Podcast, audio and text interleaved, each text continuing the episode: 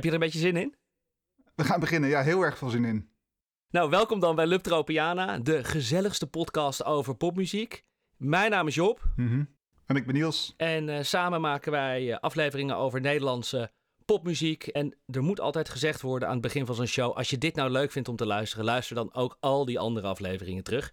Want dan uh, bespreken we nog meer nummertjes en muziek. En wat uh, inmiddels ook volgens mij een podcast uh, cliché is geworden, is dat de mensen die uh, veel sterren uitdelen in de iTunes podcast winkel shout-outs krijgen. Dus we doen dat heel snel. Snurkslag, dankjewel. The Fringe. de Fringe, ja. The Fringe, dankjewel. En Stop the Advert. dankjewel. en voor de volgende die weer zo'n leuke naam kan verzinnen, ligt er een Luptropiana mok voor je klaar, zou ik zeggen. Maar wat zeggen die mensen dan allemaal? Snurkslag die zegt om vrolijk van te worden. En de Fringe die zegt uh, feestje voor het gehoor. En Stop the Advert die zegt binge dit. Kan ook gewoon hè, alle 15 afleveringen, bam. 15 alweer. En uh, volgens mij zitten we nu in de eindjaarshow. Ja, het is tijd Job. Hoe laat is het dan? Partytime. Al die tromroffel, dan weet ik al hoe laat het is. Get out uh, your seat and start dancing, bitches. Ja, we doen een terugblikaflevering. Een throwback naar het 10 jaar oude nummer Sterrenstof van de jeugd vertegenwoordigd. Een oudjaarsaflevering en een throwback. We gaan terugkijken en wel 10 jaar terug. Het is weer even wat anders. Ik heb er ontzettend veel zin in, maar misschien ten overvloede. Maar de jeugd van tegenwoordig, moeten we er even wat over zeggen? Ja, nou goed, dit nummer is... Uh tien jaar geleden ongeveer uitgekomen als single van het uh, derde album van De Jeugd Vertegenwoordig. Mm -hmm. uh, dat album heet De Lachende Derde. Ja, en um, uh, ik weet wel te vertellen dat daar drie rappers in De Jeugd van Tegenwoordig zitten. En die hebben ook een berg aan alter ego's en andere namen. Dus er gaan veel namen voorbij komen, maar dat zijn dus eigenlijk maar drie rappers. We hebben Willy Wartaal, Wiwelientje, Wiwa, uh, dat is de eerste. Uh, de tweede rapper, uh, in willekeurige volgorde overigens hoor, is Faber Jeo. die jongen heet Pepijn Lane volgens mij. Young Jeo. Ja, weten we er nog meer? Nee, niet. Dan gaan we door. En de derde, en de derde rapper is Vieze Freddy, Fiezefeur. Freddy Tratlijner. Freddy Tratlijner, nou. En zo kunnen we volgens mij nog wel even doorgaan. En Olivier Locardia. Dat was Willy Wartaal. Precies, dan, uh, dan hebben ze volgens mij compleet. Um, maar wie maakt eigenlijk dan die beats? Wie maakt die beats? Van wie is deze beat? Dat is uh, Bas Bron, producer. Gekke boys. Ja, precies. Maar die maakt die te gekke beats en producties. Uh, dus de beatmaker en producer. Oké, okay, nou dan uh, zijn we volgens mij rond. Maar je zei al in de introductie, Niels, volgens mij al twee keer... dat nummer is al tien jaar oud. En volgens mij bespreken we toch altijd een beetje meer hedendaagse muziek. En niet iets wat tien jaar oud is. Dus waarom niet een hit vandaag, Niels? Nou, het is een hit. Het is nog steeds een enorme hit. What? Ja, en dat hebben we niet helemaal zelf bedacht. Uh, mijn naam is Jordi Dam. Ik ben datajournalist. En onder de naam Rap Fact Check maak ik op Instagram en op YouTube infographics op basis van teksten van Nederlandse rappers. En daarnaast verzamel ik allerlei ja, feitjes en statistieken over de Nederlandse rap scene. Kijk, dat is nou handig om zo iemand in te vliegen, Niels. Helemaal top. Wat heeft ze man allemaal nog meer te vertellen? Nou, ik doe Rap Fact Check sinds 2016, dus al een goede vier jaar. En in die hele periode ben ik ontzettend veel grappige dingen tegengekomen in rapteksten. Uh, een die ik zelf heel tof vond is van rapper Stix van de formatie Opgezwollen. En hij zei uh, op het nummer Regendans, zei hij... Had ik voor elk van mijn raps een cent, dan kon ik huur betalen. Kreeg ik voor elk van mijn raps een cent, dan kon ik de huur betalen. Nou dan heb je mij natuurlijk als rap-data-nerd. Dus ik ben uit gaan zoeken van als hij voor elk van zijn raps, of in dit geval uh, elk uitgebracht nummer, uh, door de jaren heen een cent zou krijgen, hoe ver zou Stix dan komen? Nou, ik ben een ontzettende Stix-fan en ik waardeer zijn heel uitgebreide oeuvre. Maar hij heeft 363 dingen uitgebracht sinds 2001. En met 363 cent ga je het ook zeker in Zwolle niet redden qua huur. Dus die lijn was niet helemaal waar. Maar dat is maar een, van mijn favorieten van de afgelopen tijd. Super cool. En volgens mij heeft Jordi inderdaad nog een berg aan voorbeelden. En ja, we kunnen het niet lang genoeg over de rapper Stix van de formatie opgezwollen hebben, wat mij betreft. Want daar ben ik stiekem al jaren op verliefd. Maar um, ik denk dat we het toch over sterrenstof zouden gaan nemen. Dus laten we even voortmaken. Um, even een beetje ter achtergrond. Ik verzamel iedere week de, de Spotify top 200 en de single top 100 van Nederland. En op basis daarvan kan ik ja, vrij nauwkeurig kijken wat eigenlijk de grote hits zijn en hoe dat zeker in coronatijd zich heeft ontwikkeld. En terwijl ik die hitlijst aan het analyseren was, viel me één liedje op. En gek genoeg is dat niet een nieuw nummer, maar een nummer dat in november van dit jaar exact tien jaar geleden uitkwam. En dat is Sterrenstof, van de jeugd van tegenwoordig. Ik vind het ook nog steeds een super toffe plaat en daarbij ben ik echt niet de enige, want ik heb het even uitgerekend. Uh, gemiddeld wordt dit nummer elke week 192.000 keer gestreamd. Het is echt veel. En um, ja, wat ik daar wel opvallend aan vind, is dat het dus een oude track is, maar ja, dat hij daarmee ook elke week de Spotify Top 200 uh, lijst haalt. Dus het is eigenlijk nog steeds een hit, zou je kunnen zeggen.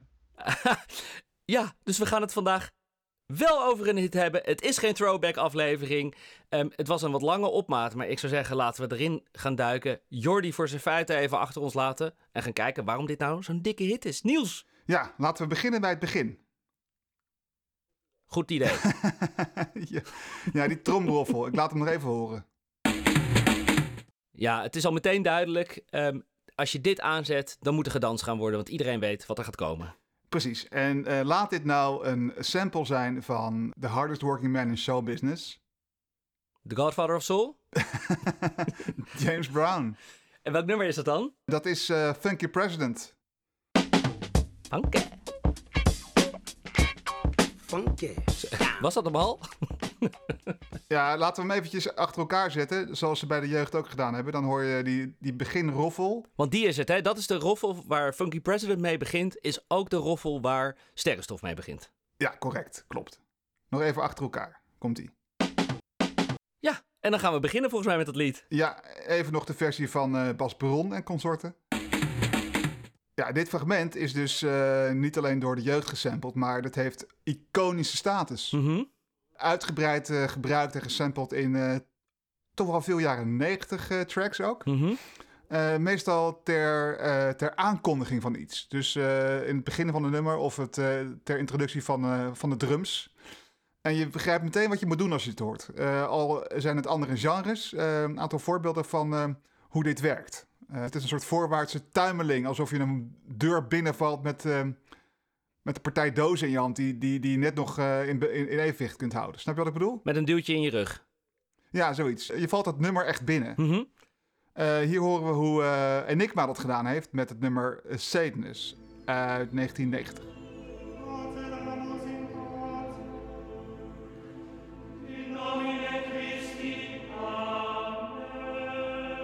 Nou, dat is even een heel ander vaatje. Hoor je hem? Ja! Oh, wat grappig. En dan weet je al meteen, hier komt de beat aan, mensen. Ja, en hij valt er echt in. Ja. En van wat jaren later van het onvolprezen Aqua uit Denemarken. Dat is toch van Barbie Girl? Ja, precies. Bekend van uh, Barbie Girl. Ja. Die hebben daarna nog wat hits gehad. En dit was Turn Back Time. Oh ja. Um, uit 1997. Peaceful Piano. Leuke aflevering was dat. Goed luisteren. Ja! Nog een keertje doen? Ja. Nog een keertje doen. Ja, ik hoor, het, uh, ik hoor hem daar aankomen. Echt een opmaat. Ja. Dat is een mooi startschot van, uh, van het nummer. En waar, waar het mij in eerste instantie heel erg aan deed denken, toen de jeugd het gebruikte, was deze track uit 91, ook al een tijd terug. Drums, please. Dan wordt hij er echt letterlijk in gescratcht door, um, ja, door Jazzy Jeff. door Jesse Jeff. Ja. Ah, maar dit verklaart natuurlijk ook waarom ik zo'n zomers gevoel krijg bij dat, uh, bij dat sterrenstof van de jeugd als ik dat hoor. En dat heeft denk ik ontzettend te maken met deze hit. Nou, een zomerhit zou ik het niet willen noemen. Wat dan? Ja, ik ben natuurlijk even, even dieper in het verloop van die streams van, uh, van Sterrenstof van de Jeugd gedoken. En wat ik daar heel opvallend aan vond, is dat het nummer stevast in de eerste week van januari het meest gestreamd wordt. Huh? Dat is dit jaar zo, dat was in 2019 zo en dat was in 2018, waar, het jaar waarin ik begonnen ben met het verzamelen van deze gegevens, was dat ook zo. En daarmee zou je eigenlijk kunnen zeggen dat Sterrenstof de ultieme oud en nieuw knaller, knaller is. Mm. En je ziet het ook wel een beetje voor je op een huisfeest. Hè? Op een gegeven moment na middernacht dan gaat sterrenstof aan. Iedereen schreeuwt er mee. Maar dat dan dus ja, 213.000 keer uh, in dit jaar. Uh, echt een oud en nieuw knaller. Dus wie weet voor, uh, voor de komende oud en nieuw weer. Ik ga het zien in de statistieken. Jemig, dus een gegarandeerde floorfiller eigenlijk, dat sterrenstof. Ja, en ook oorspronkelijk uitgebracht in, eh, in november, in de herfst. Dus eh, die zomerse associaties die, eh, zijn niet helemaal juist. Maar die zorgen wel voor, eh, die hebben wel effect. Ja, inderdaad. Ik vind het wat grappig dat het precies het tegenovergestelde is. Een, een nummer uit de winter, het meest gedraaid met oud en nieuw. En toch in die eerste paar seconden roept het ook een wereld aan associaties op. En we hadden het al over het zomerse van Will Smith en zijn vrienden. Maar ook die opgewekte aqua-act, Eurodance. Eurodance, ja inderdaad. En eh, dat spirituele, zingende, chantende monniken van Enigma. Het, is, het, het roept eigenlijk van alles op. Ja, en dat is juist zo, eh, zo aantrekkelijk. Dat het in die eh, eerste paar seconden van het nummer al allemaal opties aan je presenteert waar je uit je kunt kiezen. Dus je kunt hier, je kunt hier echt alle kanten mee op. En dat maakt ehm, het heel aantrekkelijk. En het roept ook een bepaalde spanning op, want je weet niet waar het verhaal naartoe gaat. Als je het trommelroffeltje hoort van eh, James Brown, dan weet je niet of je in, eh, in een zweverige droom terecht gaat komen of dat je eh, gaat grooven met de jeugd. Nee, het is eigenlijk net als in sprookjes. Die beginnen ook altijd met er was eens. En dat, dat, dat is het, maar dan ene muziek. Ja, awesome. Dat waren de eerste, nou ik denk nog niet eens dat het drie seconden vult van het lied. In dit tempo zijn we met oud en nieuw nog niet klaar, Niels. Dus ik zou zeggen, kunnen we alsjeblieft even doorgaan, want ik weet dat er daarna nog ontzettend veel leuke dingen gaan gebeuren. Ja, goed. Eh, na Er Was Eens komt er dus een dikke groove. Eh, eh, na deze rijk gekleurde intro worden we het nummer ingetrokken. En dat, dat klinkt als volgt.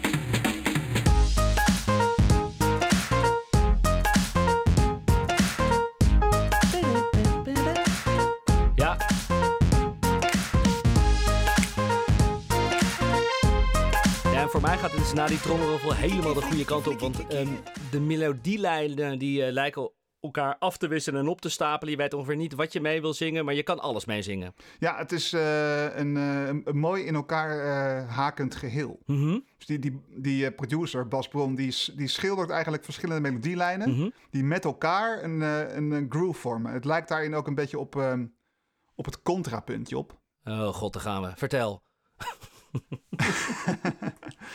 Nou, contrapunt is hoe melodieën afzonderlijk van elkaar, eh, tegenover elkaar, met elkaar werken.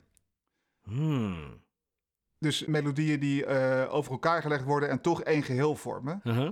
Een contrapunt betekent natuurlijk ook het, eh, eh, een, eh, iets tegenovergestelds positioneren. Dus een melodie die wordt ge- geflankeerd door een andere melodie en samen klinkt dat toch mooi. Heb je misschien ook een vo- voorbeeld meegenomen, Niels? Ja, we gaan wat luisteren van Bach. Die was daar een meester in. Die kon wel tot vier stemmen met elkaar verweven zonder dat je gek werd. En het mooie daarvan is dat daardoor zo'n stuk ook interessant blijft, omdat je elke keer wat anders hoort. Het zijn eigenlijk vier stemmen door elkaar, Mhm. of, of drie of twee, kan natuurlijk ook. En het hoogtepunt van zijn, ehm, van zijn oeuvre in eh, dit opzicht is Die Kunst der Fuge, waarin hij veertien vierstemmige stukken heeft geschreven, niet voor een specifiek instrument, Mhm. maar waar hij heel knap al die melodieën in elkaar over liet lopen. En ook nog op hetzelfde moment eh, eindigen. Ja, ze waren ongeveer. ja, precies, ook dat nog.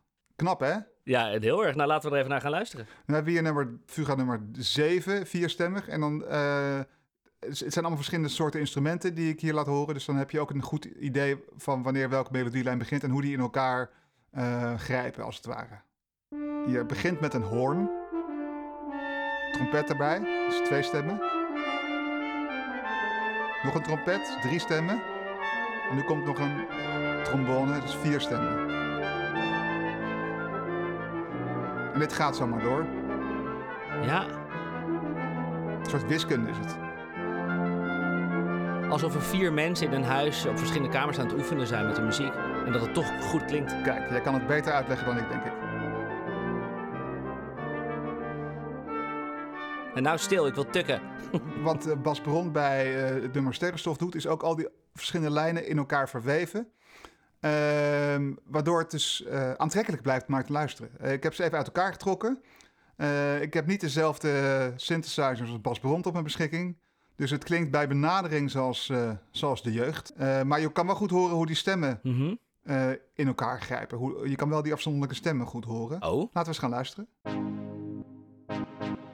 Dit is lijn 1. Eh, het zijn synthesizer akkoorden. Ja.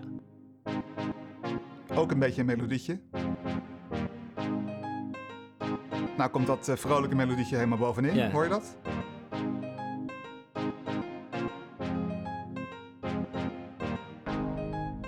Nog een synthesizer. Die doet wat anders. Ja. In het midden een beetje. Flikkie, flikkie, flikkie, flikkie. En dan komt nu de bas.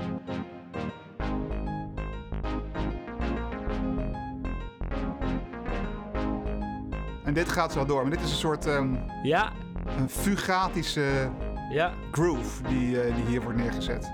En zou je nou ook kunnen zeggen dat het origineel van het trommeroffeltje, misschien zelfs van James Brown, want daar heb ik ook het idee dat er ook van allerlei dingen in dat lied gebeuren, dat het, dat het daar ook zelfs misschien wel op lijkt. Laat even luisteren of dat zo is. Nou, je hoort nu een gitaar. Ja, Heel ritmisch. oké. Nasty. Hey, listen to the man. Nog een gitaar erbij. En de basgitaar zit vooral op drie stemmen. Blazers erbij. Ja. Ja, heerlijk. Ja, dit gaat zo maar door. Dit proeft lekker door. Net zoals Bach en de jeugd tegenwoordig. Dus al die melodielijnen die leggen gewoon een, eh, die leggen iets neer, een melodisch eh, motief. En dat wordt herhaald. En dat is bij elkaar, telt dat op tot, een, eh, tot iets waar je naar blijft eh, luisteren, wat niet verveelt. Als je het achter elkaar zet, dan krijg je dit. James Brown nog.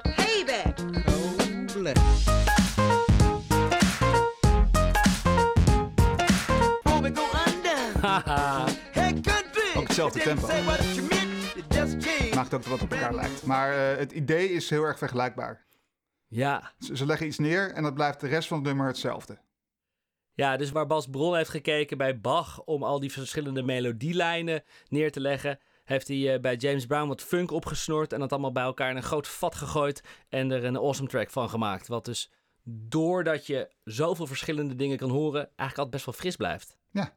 We hebben naar Bach geluisterd. Nu naar de oudheid nieuws. Laten we eerst maar even naar het eerste eh, couplet gaan. Want we hebben de intro nu gehad. Mhm.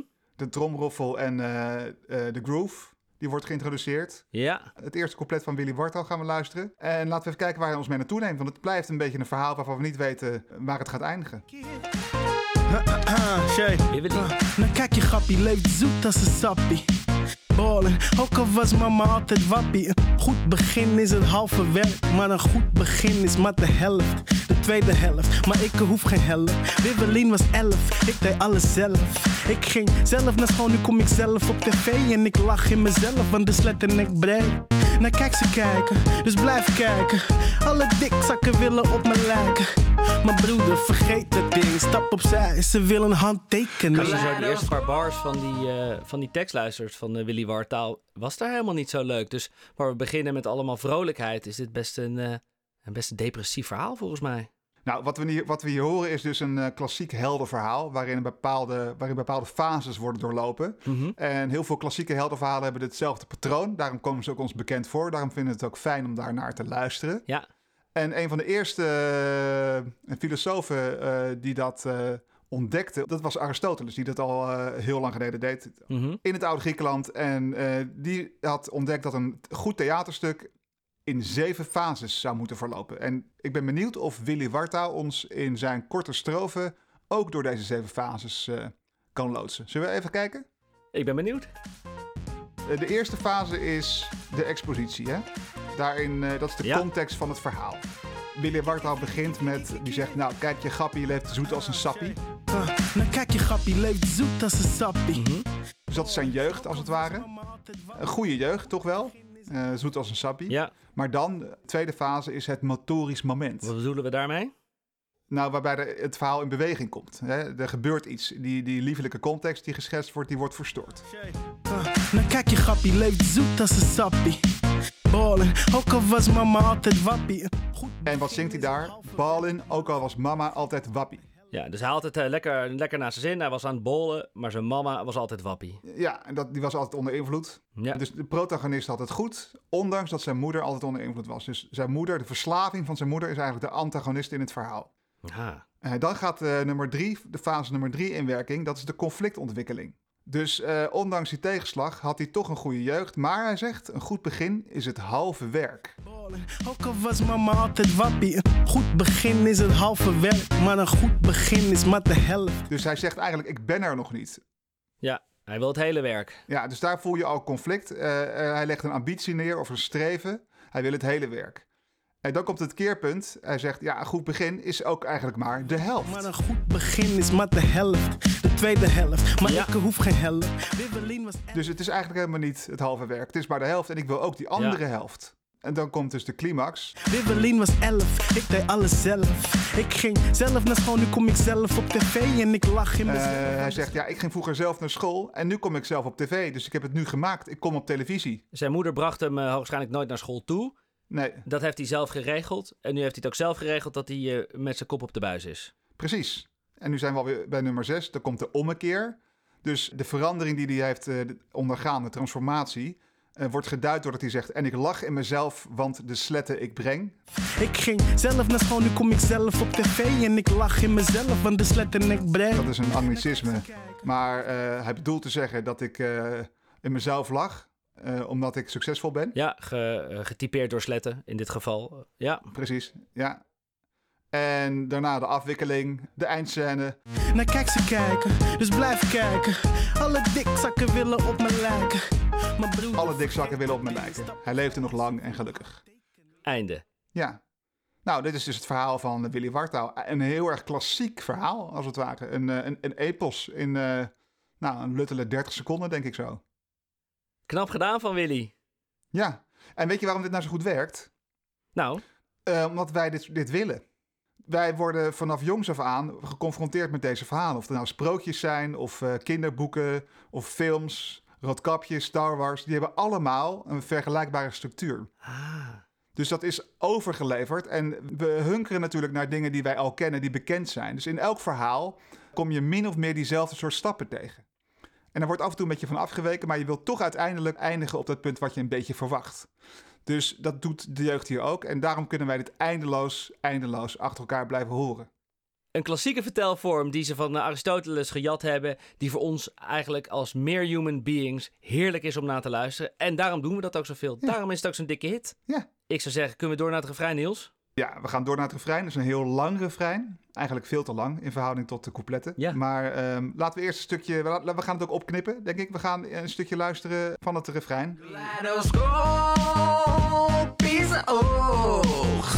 Ik kijk omhoog, mijn pupillen worden groot. De wereld is verplaatst, ja. Op je polenpips na. Een golflengte afstand van je hemellichaam. Ze is van spek. Uh, Wauw, over contrapunten gesproken. Want uh, we zijn hier opeens op een heel ander plekje dan waar Willy vandaan kwam. Het lijkt een beetje op een drugstrip, hè? De pupillen worden groot. Bijeffect van, uh, in ieder geval ook van LSD, maar volgens mij nog wel van wat uh, meer verdovende middelen. Ja, nee, er zit een uh, enorm contrast hier tussen het couplet en het refrein. Tussen het epos van Willy Wartaal en het drugstrip van, van Freddy.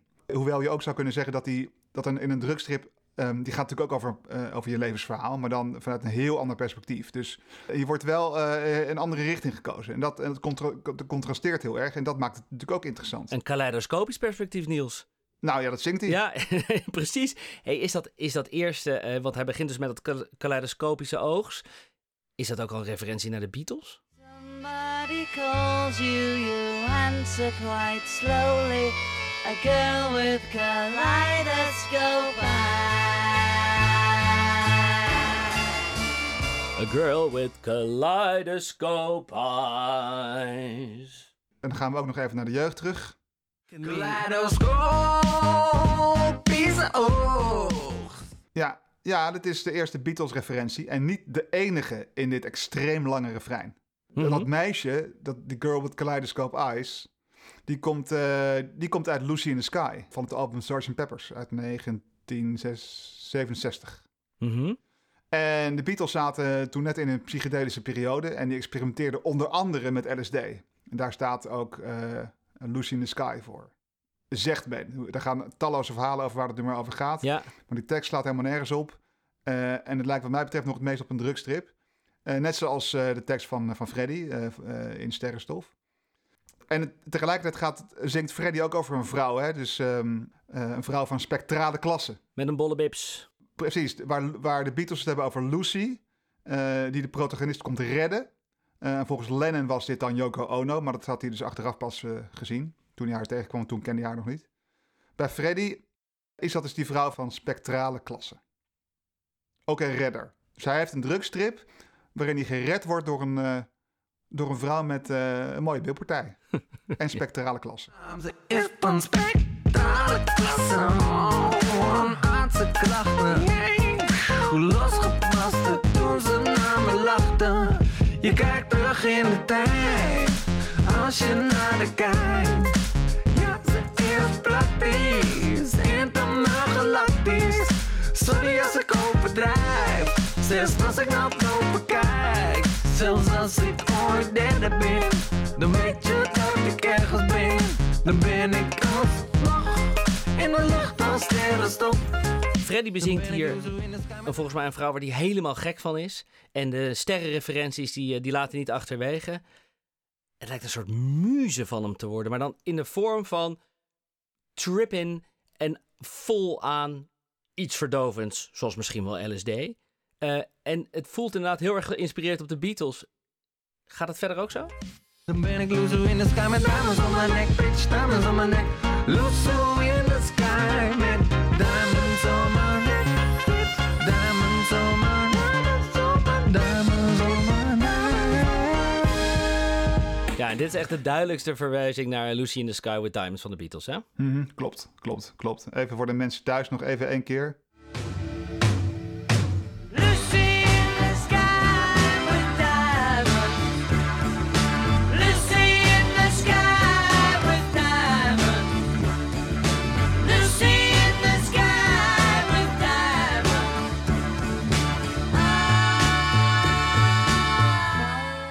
Hoor je die aankondiging ook in het begin? Ja, ik hoor die, eh, er wordt op de drums gehamerd eh, door Ringo Starr. Niet zo funky als ze dat bij James Brown deden, maar het heeft wel veel overeenkomst inderdaad. Dus ze hadden ook dit kunnen doen natuurlijk.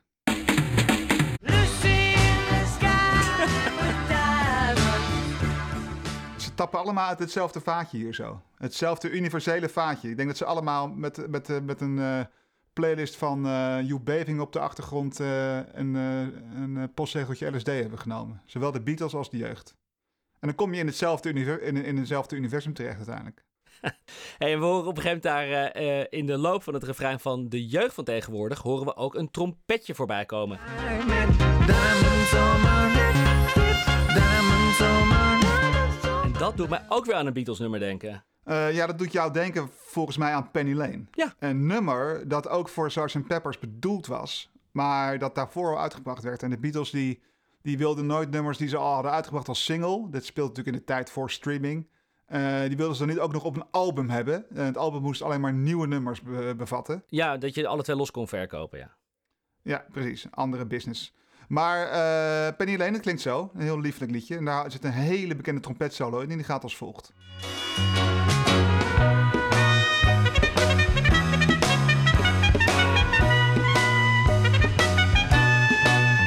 Gaat maar door, hè? Ja. Ja, en dan, eh, bij de jeugd van tegenwoordig transformeert dat volgens mij uiteindelijk ook weer naar een synthesizer toe. Penny Lane is in my ear. Ja. Eh, maar dat is dus te gek. Dankzij eh, de jeugd van tegenwoordig staan dus Penny Lane en Lucy in the Sky with Diamonds samen op één plaat. Ja, terecht. Hey eh, Niels, ik hoor ook nog een verwijzing naar een andere artiest. Oh, Ja, luister eens naar dit nummer van de rapper Smitty, ken ik niet. featuring Swiss Beats Ken ik wel. uit, ja, uit 2006. Laten we eens gaan luisteren. Diamonds on my neck, dim- diamonds on my neck, Hey. diamonds on my neck, dim- diamonds on my neck, smoking pounds of green, smoking pounds of green, smoking pounds of green, smoking pounds of green, Diamonds on my neck, diamonds on my neck. Zouden ze dat hier vandaan hebben, denk je? Ja, zeker. Vier jaar eh, voor Sterrenstof eh, was deze al uit. Oh ja. En eh, dit is Smitty, zei je? Ja, maar we horen in het begin van het nummer van Smitty, horen we niet Smitty. We horen, en misschien eh, hadden mensen hem al herkend, we horen de Notorious B.I.G. Rest in Power, grootste rapper aller tijden, laat het nog maar eens gezegd zijn. En wat Smitty doet, die gebruikt een sample van Biggie, van de Notorious B.I.G., van weer een ander lied. En dat is namelijk het nummer The Ugliest. Ik volg je. Ja, zijn we er nog? Ja. Nooit uitgebracht, waar hij samen met Buster Rhymes op rapt. Een andere rapper. En dat nummer is weer geproduceerd door Jay Dilla. Ik ga het gewoon allemaal vertellen, omdat het zo awesome is. Maar wat Smitty heeft gedaan, en we gaan er zo even naar luisteren... maar die heeft dus die, een stukje raptekst van Biggie gebruikt... en dat heeft hij achter elkaar geplakt. En daarom hoor je dat Diamonds on my neck. Diamonds on my neck. Oh, dus, dus dat Diamonds on My Neck van Smitty is gesampled van een nooit uitgebrachte plaat van Biggie. Precies, en eigenlijk wat Fiesse doet, maar we gaan er zo echt naar luisteren en lang, ehm, is daar dus weer een cover van maken eigenlijk. Want hij zingt het na. Maar laten we eerst eens even naar Biggie gaan luisteren. Street nigga, dangerous MCs. Uh, check it out. Uh. Diamonds on my neck, chrome drop top, chilling on the scene, smoking pounds of green. Ooh wee, you see the ugliest, money hungriest, Brooklyn Loch Ness, 9 millimeter. Ja, we komen via allemaal omwegen toch op dezelfde groove terecht en op dezelfde inspiratiebronnen, hè? Ja, eh, James Brown, The Beatles, Penny Lane, Lucy in the Sky with Diamonds en dan Biggie ook nog erop. Ehm, Ja, Biggie die eh, zich, niet, zich niet in de LSD verliest, maar wel in de, wat zegt hij, eh, smoking pounds of green? Wat ja, zegt hij? hij is veel aan het blowen, Biggie. Door dat drugsgebruik komen mensen toch weer op een, eh, eenzelfde idioom uit eh, uiteindelijk. Goed gevonden trouwens ook. We hadden al die dromroffel, de verwijzing naar de Beatles, Lucy in the Sky en Penny Lane en eh, Biggie ook nog. Eigenlijk zou je kunnen zeggen dat dit refrein bestaat uit een collage van grootste artiesten uit de popgeschiedenis. Het is eigenlijk een soort mashup. Ja. Moet je raden wat ik gemaakt heb. Oh no, he didn't. Lucy in the sky Diamonds on my neck, diamonds on my neck, Lucy diamonds on my neck, diamonds on my neck, diamonds on my neck. Vroeger was Jan jou alleen nog maar Jan. Ja, en zo rollen we het, eh, het laatste couplet in. Ja, inderdaad. Maar niet voordat ik toch ook nog gezegd wil hebben dat ik ook een idee heb waarom dit refrein zo heerlijk mee te zingen valt. Oh, oh, hadden we niet genoeg verteld al? Nee, we gaan dat toch nog even zeggen, want wat eh Fiesse Fur hier doet, die zet zo'n smartlappen vibe neer als hij ermee begint, dat het ook eigenlijk niks anders kan dan meezingen. Dat kaleidoscopisch oog. Ik denk dat Hazes er echt een hele toffe cover van had kunnen maken. Nee, overal is over nagedacht eh, in dit nummer. Volgens eh, de schrijver van de tekst, Freddy, eh, had hij het op de achterkant van een servetje of een bierveeltje in een uurtje voor elkaar. Ja. Maar daar geloven we niks van. Door naar het tweede couplet van Faber Jeo dit keer. Eens kijken of we Aristoteles weer op het schild kunnen hijsen. Wat denk jij? We hadden het over de zeven fases van een goed verhaal. Kan Pepijn dat een beetje? Hoe zullen we dat doen? Zullen we het gewoon gaan luisteren en dan kijken wat hij, eh, luisteren wat hij zegt? Ja, laten we hem aan, eh, aanzetten en, de, en die zeven fases eroverheen eh blaren. Is goed. Daar gaat hij. De expositie, hoor hem al. Vroeger was Jan jou alleen nog maar Jan. Geen rap, centjes, geen peper, geen stang. De expositie. Ja, de context. Totdat hij uit het niks op tv kwam. Ineens changed zijn hele leven. Bam. Het motorisch moment. Hij kwam ineens op televisie. Ja, Zijn hele leven veranderde. Shows in het weekend, geld op de bank. Gelukkig aan het sterrenstof, maar telt het nog dan? ja. Sterrenstof, aan de kook, Ah, aan de drank, conflict. ja. Hij wilde proeven van elke soort drank. Men probeerde hem te zeggen, hij was telkens zo lang. Mensen proberen hem te vertellen, nu moet het even anders, uh, Jejo. En dan komt dus de climax. En na een tijdje zat hij crazy in de put. Toen kwam eh, Lady Luck uit de lucht vallen. De ommekeer. Toen uit de lucht kwam vallen Lady Luck. Ja, dat was het keerpunt. Ja, Ze werd zijn baby en hij was haar baby terug. En alle vlinders in zijn buik zeiden nee tegen die drugs. Ik heb En dit is de afwikkeling. op mijn bankje, stemklankje, brengt nog steeds brood op een plankje. Soms denk ik terug, heb mijn drankje. Met de sterren in de lucht, is echt drankje. is verplaatst, ja. Ik zeg dank je. ah ja. Dus eh Papijn die flikt het ook. Hij was vroeger eh, alleen nog maar jong, eh, had geen centen. Toen kwam hij op televisie, toen ging hij aan de kook en de drank. Toen raakte hij in de put. Toen kwam Lady Luck langs en die heeft hem gered. En nu zegt hij, dank je.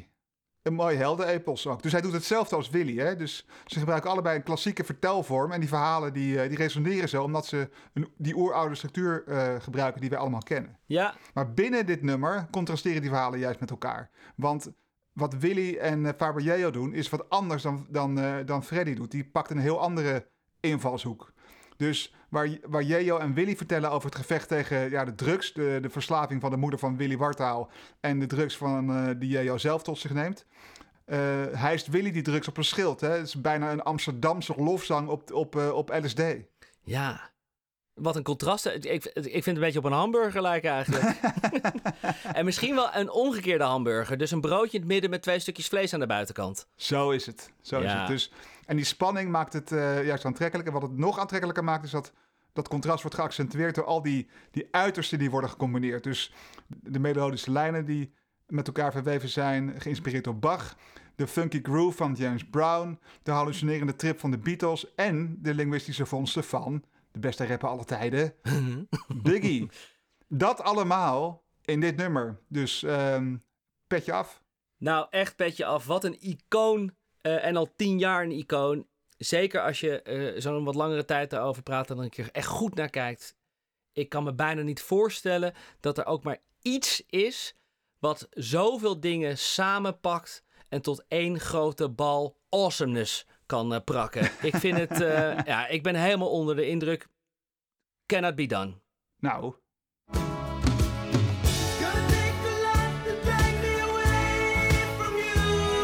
Wat is dit? Wel lekker nummer trouwens.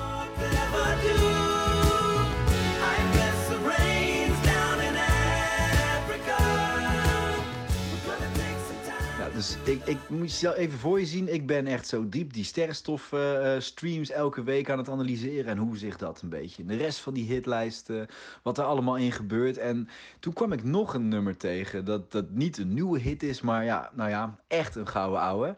En dat is Africa van Toto. Dit jaar is Africa 38 jaar oud. Maar ook dat nummer weet elke week de Spotify Top 200 in Nederland te halen. En even voor de goede orde, daar moet een nummer elke week gemiddeld 160.000 keer voor beluisterd worden. Dus dit zijn niet zomaar streams in de marge. Ook Toto lijkt die oud en nieuw knaller te zijn. Want in de eerste week van januari eh, wordt dat nummer eh, Africa ook het meest beluisterd. Dit jaar 260.000 keer. En ja, wat ik echt heel gek vind, maar ik ben er nog niet helemaal uit wat, wat dat eh, precies is. Toto, eh, Africa en de sterrenstof van de jeugd van tegenwoordig volgen qua streams het hele jaar door min of meer hetzelfde pad. Ze, ze laten hetzelfde patroon zien als je het in een grafiek zet. En ja, dan vraag ik mezelf af: is de, is de Toto-fan stiekem ook eh, de jeugdfan? Of eh, deelt de gemiddelde jeugdfan een Spotify-account met hun ouders? Ik weet het niet. Of ja, dit lijkt me logisch, logischer. Misschien staan ze allebei in een of andere playlist. Maar ja, wat voor thema is dat dan? Of willen we gewoon eh, fijne, positieve meezingers in deze toch wel matige coronatijden? Ja, of zegt het gewoon heel veel over de muzieksmaak van de gemiddelde Nederlander? Ik ben er nog niet uit, maar ik durf in ieder geval op basis van die harde feiten te zeggen dat de sterrenstof en Afrika ontzettend populair zijn. En om de een of andere reden heel vaak eh, na elkaar eh, gedraaid worden. Want dat is in ieder geval wat ik zie in mijn, eh, in mijn cijfers. Wauw. jemig. Ik ben er wel even stil van. Ja, dus ergens in dit eh, universum eh, is dus nog een nummer dat precies op dezelfde manier wordt geluisterd. Hoe dan? Nou, eh, misschien is dit een soort eh, samenzwering. George Soros. Ja, precies. Wie zit hierachter? Een soort mysterieuze cultus die, dit, die deze nummers aan elkaar verbonden heeft. Het gebeurt misschien elke 13 jaar of zo. Wat zegt de Maya-kalender? Ja, dat, dat, dat. Een zwart gat, een muzikaal zwart gat. Ik, eh, weet je wat ik ga doen? Ehm, ik, ik, heb, eh, ik denk dat we dit nummer genoeg geanalyseerd hebben. Ik, eh, ik ga wat sterrenstof nemen en erover nadenken. Niels, dankjewel. Jordi, dankjewel. We zijn er. Way.